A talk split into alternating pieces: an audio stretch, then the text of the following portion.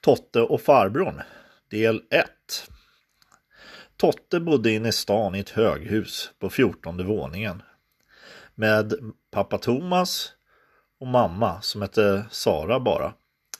Han hade även en lillebror som hette Håkan och tre stycken rabiata pitbullterriers som hette Pulver, Smurfen och Pepsi. Han hade även en kompis som bodde ute i skogen som hette Gubben. Och nu var han på väg dit. När eh, gubben, han brukar vara lite knasig. För han brukar säga att han gillar kola och glädjedamer. Och då tänkte eh, Totte, vem gillar inte glada damer och Coca-Cola? När han kom fram till den lilla stugan där gubben bodde så hörde han ett gnylande och det lät som att någon grät. Totte knackade på och gick in.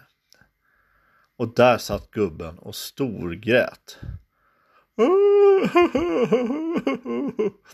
Men vad är det för någonting? Den onda häxan har varit här.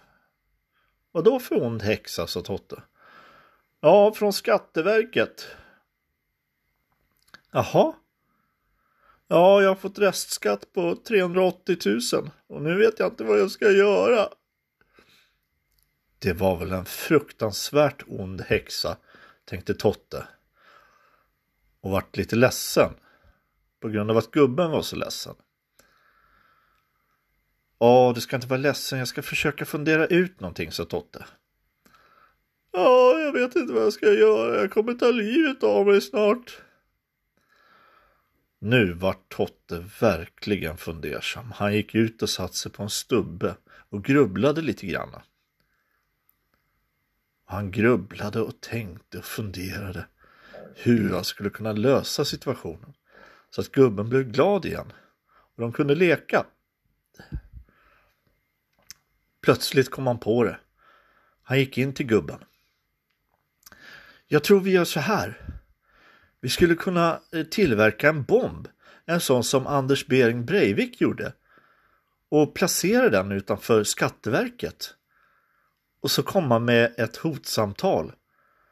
Uh, om de inte stryker din restskatt så spränger vi av hela kalaset så det bara blir pulvermos kvar av dem.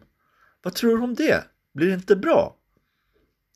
Jo, det kanske kan bli bra, uh, snyftade gubben fram. Totte gick hem och började skissa på en bomb. Han visste att man behövde konstgödsel och lite andra attiraljer. Men nu var det ju så att han hade inte hela receptet så han var tvungen att gå in på Flashback och söka lite grann. Han letade runt och det visade sig att man behövde någon sorts eh, sprängkapslar och lite andra dyliga grejer.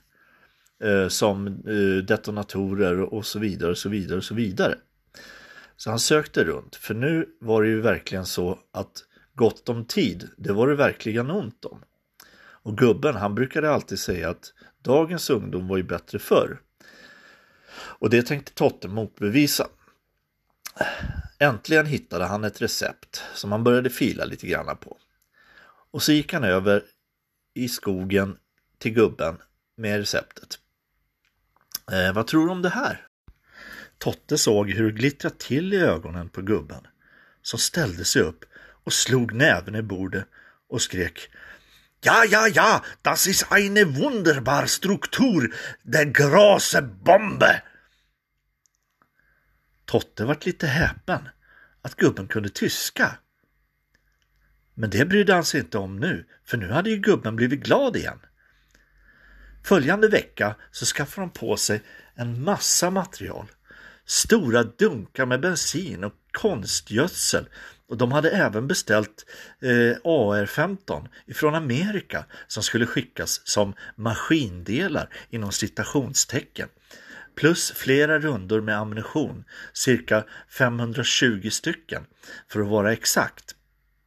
Plus lasersikte och mörkersikte samt ett par walkie-talkies.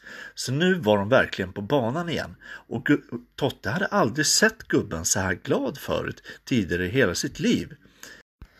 Gubben tände sin pipa och marscherade av och an inne i stugan med sina nya välputsade ridstövlar och sjöng högt och tydligt Daifane Hoch. Med en fokuserad blick marscherade han av och an samtidigt som han skrek försmädelser.